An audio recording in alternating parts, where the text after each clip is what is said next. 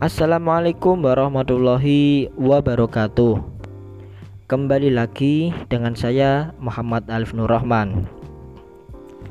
Ya memang sudah kita ketahui semuanya bahwasanya Indonesia merupakan sebuah negara yang kaya akan sumber daya alamnya.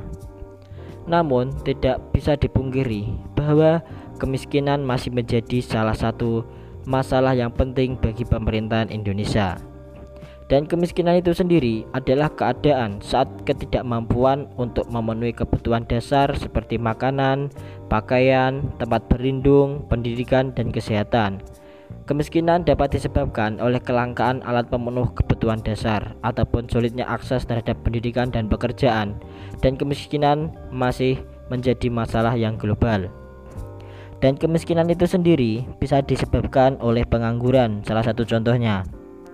Sedangkan pengangguran bisa terjadi karena faktor-faktor salah satunya adalah tidak bersekolah dan tidak ada lapangan pekerjaan. Sedangkan kemiskinan itu sendiri bisa memberikan dampak yang sangat negatif bagi masyarakat di sekitarnya. Antara lain yaitu kriminalitas seperti mencuri, menodong, merampok, bahkan sebagian dari mereka tega untuk membunuh agar mendapatkan sesuatu secara instan.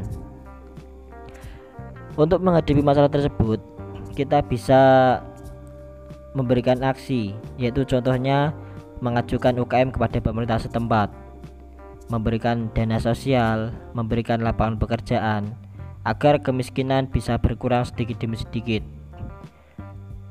Dan mereka yang masih terjerat kemiskinan bisa berangsur-angsur memulihkan perekonomian mereka dan mengentaskan diri dari kemiskinan.